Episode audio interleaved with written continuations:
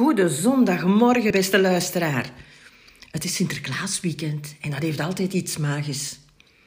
En gisteren was voor mij een zeer magische dag, want ik zat midden in familieopstelling.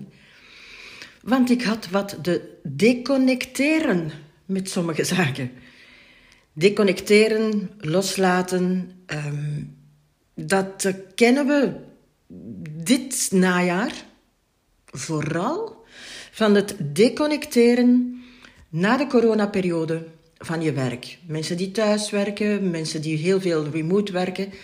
Ja, en dan samen met de privésituatie, dat loopt heel vaak door elkaar. Ook binnen onderwijs wordt er gevraagd om meer te gaan deconnecteren. En zelfs aan scholen wordt gevraagd om tegen september 2023 een uh, charter klaar te hebben waarin afspraken staan tussen ouders, leerlingen, leerkrachten en directie, zodat elk personeelslid van een school, elke leerkracht, beter kan deconnecteren. Want het wordt wel eens, het wordt wel eens, het gebeurt dikwijls, het gebeurt vaak, dat leerkrachten s'avonds nog om tien uur een telefoontje krijgen of een mailtje uh, van een leerling die iets vraagt wat er tegen de volgende dag moet klaar zijn. Natuurlijk, dat kan zo niet blijven duren. Dat, uh, dat drukt op de schouders, dat drukt op de weerbaarheid. Er is geen evenwicht meer tussen werk en privé. Ik ben even gaan kijken, gaan nadenken over deconnecteren. Je kan daar van alles voor doen. Het heeft vooral te maken met je energie in de andere modus brengen. En als we dat willen doen, kunnen we loskomen bijvoorbeeld van ons werk, maar ook bijvoorbeeld van foute partners, bijvoorbeeld van dingen die in ons familieverhaal hebben gespeeld, zodanig dat we dichter bij onszelf komen, dichter bij ons eigen ik. Om te deconnecteren laat ik jullie kennis maken met een aantal levensdomeinen of een aantal gebieden die belangrijk zijn voor elke persoon om volwaardig te kunnen deelnemen aan het maatschappelijke leven. Waardoor dat je gedeconnecteerd wordt van wat er speelt en wat jouw energie afneemt. Het eerste domein is natuurlijk het domein van de fysieke zelfzorg.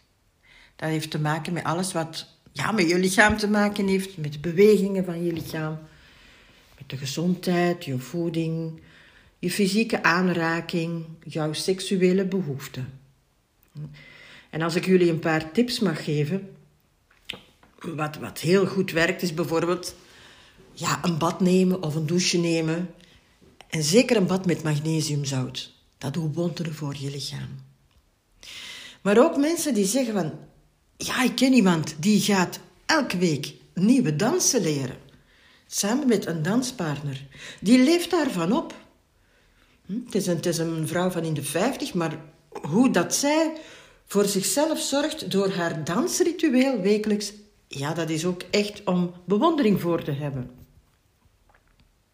Natuurlijk ook voldoende slaap. Niet te weinig en ook niet te veel. Of op zoek gaan naar een voedingsadviseur die met jou kan kijken welke voeding het beste voor jou geschikt is. Voor jouw lichaam dan, hè, want het gaat over het lichaam. Knuffelen. Tijd maken voor jou en je partner alleen. En natuurlijk, we denken klassiek ook aan genieten van een wellness of een goede massage.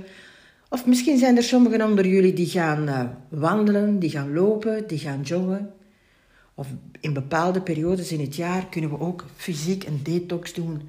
Het zijn allemaal activiteiten die we in het gebied fysieke zelfzorg kunnen toepassen, waardoor dat we kunnen deconnecteren van ja, onze, onze druk, de druk die op ons rust in verband met ons werk. Een tweede domein is de psychologische zelfzorg. Dat gaat over jouw, uh, ja, jouw mindfulness, jouw, jouw motivaties, uh, ja, jouw gedachten. Dan denken we natuurlijk klassiek aan meditatie, maar ook een ontspannen boek lezen. Of dingen opschrijven, noteren in een notitieboek, in een dagboek. Of ehm, nagaan wat je echt wil met je leven en daar kleine stapjes in zetten. Het zijn allemaal zaken van psychologische zelfzorg. Psychologische zelfzorg, daar heb ik zelf ook ervaring mee, is het inkleuren van mandala's. Door de terugkerende symbolen en vormen van een mandala en daar bijpassende kleuren bij te gebruiken, ga je in een, in een soort meditatie, ga je in een soort connectie met, met je onderbewuste. Waardoor je psychologisch een positieve mindset ontwikkelt. En een hele goede psychologische detox, dat is een digitale detox doen. Is een aantal tijden niet online zijn, niet naar een podcast luisteren of, of niet op sociale media zitten. Zeker psychologische zelfzorg. Dat was ons tweede domein. Een derde domein van zelfzorg is de emotionele zelfzorg. Dat gaat over het, uh, eerst het herkennen van je eigen emoties, begrijpen waar ze vandaan komen en ook leren hoe je je emoties best uitdrukt.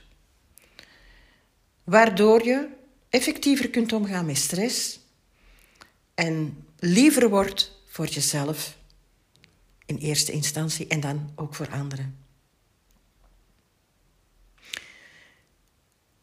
Emotioneel tijd vrijmaken om na te denken over wat je voelt, wat er aan de hand is. Je bewust worden van je eigen grenzen. Maar daarna ook leren hoe dat je die grenzen op een aanvaardbare manier voor anderen duidelijk kunt maken. Zo ontwikkel je mededogen voor jezelf. Je, je zet jezelf niet meer in de slachtofferpositie of ook niet in de schaamte- of schuldpositie. En je wordt minder vatbaar voor wat anderen denken, waardoor je in een sterk, sterke kracht kan komen te staan. Vierde domein, om te deconnecteren, is relationele zelfzorg.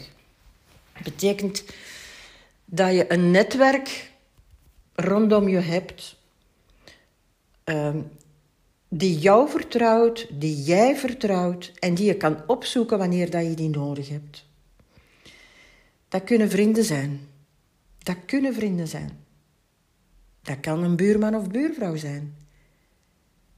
Dat kan iemand zijn van je werk, waar je onder de middag of na het werk wat tijd mee doorbrengt. Het, zijn, het gaat over zorgzame en ondersteunende mensen, waarmee dat je je verbonden voelt, waar je om hulp aan durft vragen wanneer dat je het nodig hebt.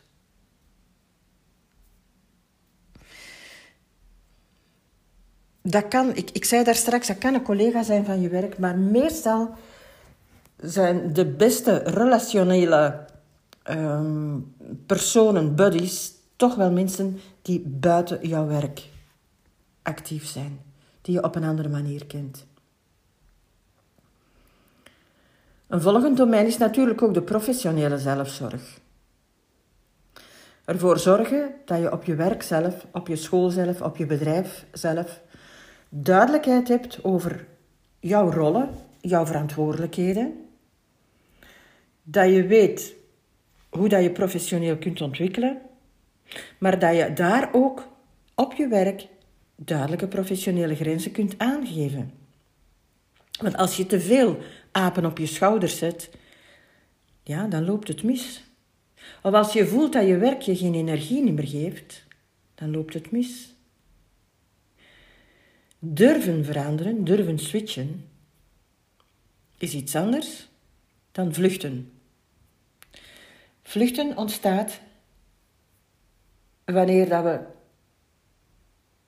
niet genoeg deconnecteren, wanneer dat we op het werk, maar ook buiten het werk, niet genoeg voor onszelf zorgen. Burn-out loert dan om de hoek. Wees je ook bewust van je werktijd en van de tijd daarnaast. Goh, ik had eh, deze week een coachie bij mij en we waren samen naar planning voor de volgende drie weken aan het overlopen. Ze heeft drie kinderen. En ik dacht, hoe kan dat nu dat die in evenwicht is met haar werk en haar privé? Het zat vol meetings, vol vergaderingen, zowel online als offline. En in de vrije tijd was er heel weinig werk, uh, heel weinig tijd, excuseer, voor haar uh, kinderen. Er kwam heel veel op haar man terecht. Laat staan de tijd die ze samen als koppel doorbrachten. Nee, daar was werk aan de winkel. Een uh, volgende domein van zelfzorg is uh, milieu-zelfzorg. Milieu en organisatie. Ervoor zorgen dat je uh, goed georganiseerd in een goed onderhouden omgeving, zowel op je werk als thuis, je leven kunt opbouwen. Dat betekent opruimen, recyclen, ehm, geen dingen laten aanslepen, zowel van je klassement als van je, van je veilige of, of schoonheid van de leefomgeving. Zeer belangrijk ook om te deconnecteren. Door rommel, door chaos te zien, blijft alles in je systeem zitten.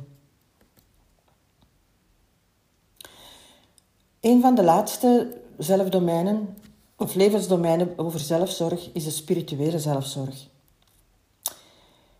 Het nastreven van, ja, de big why voor jou.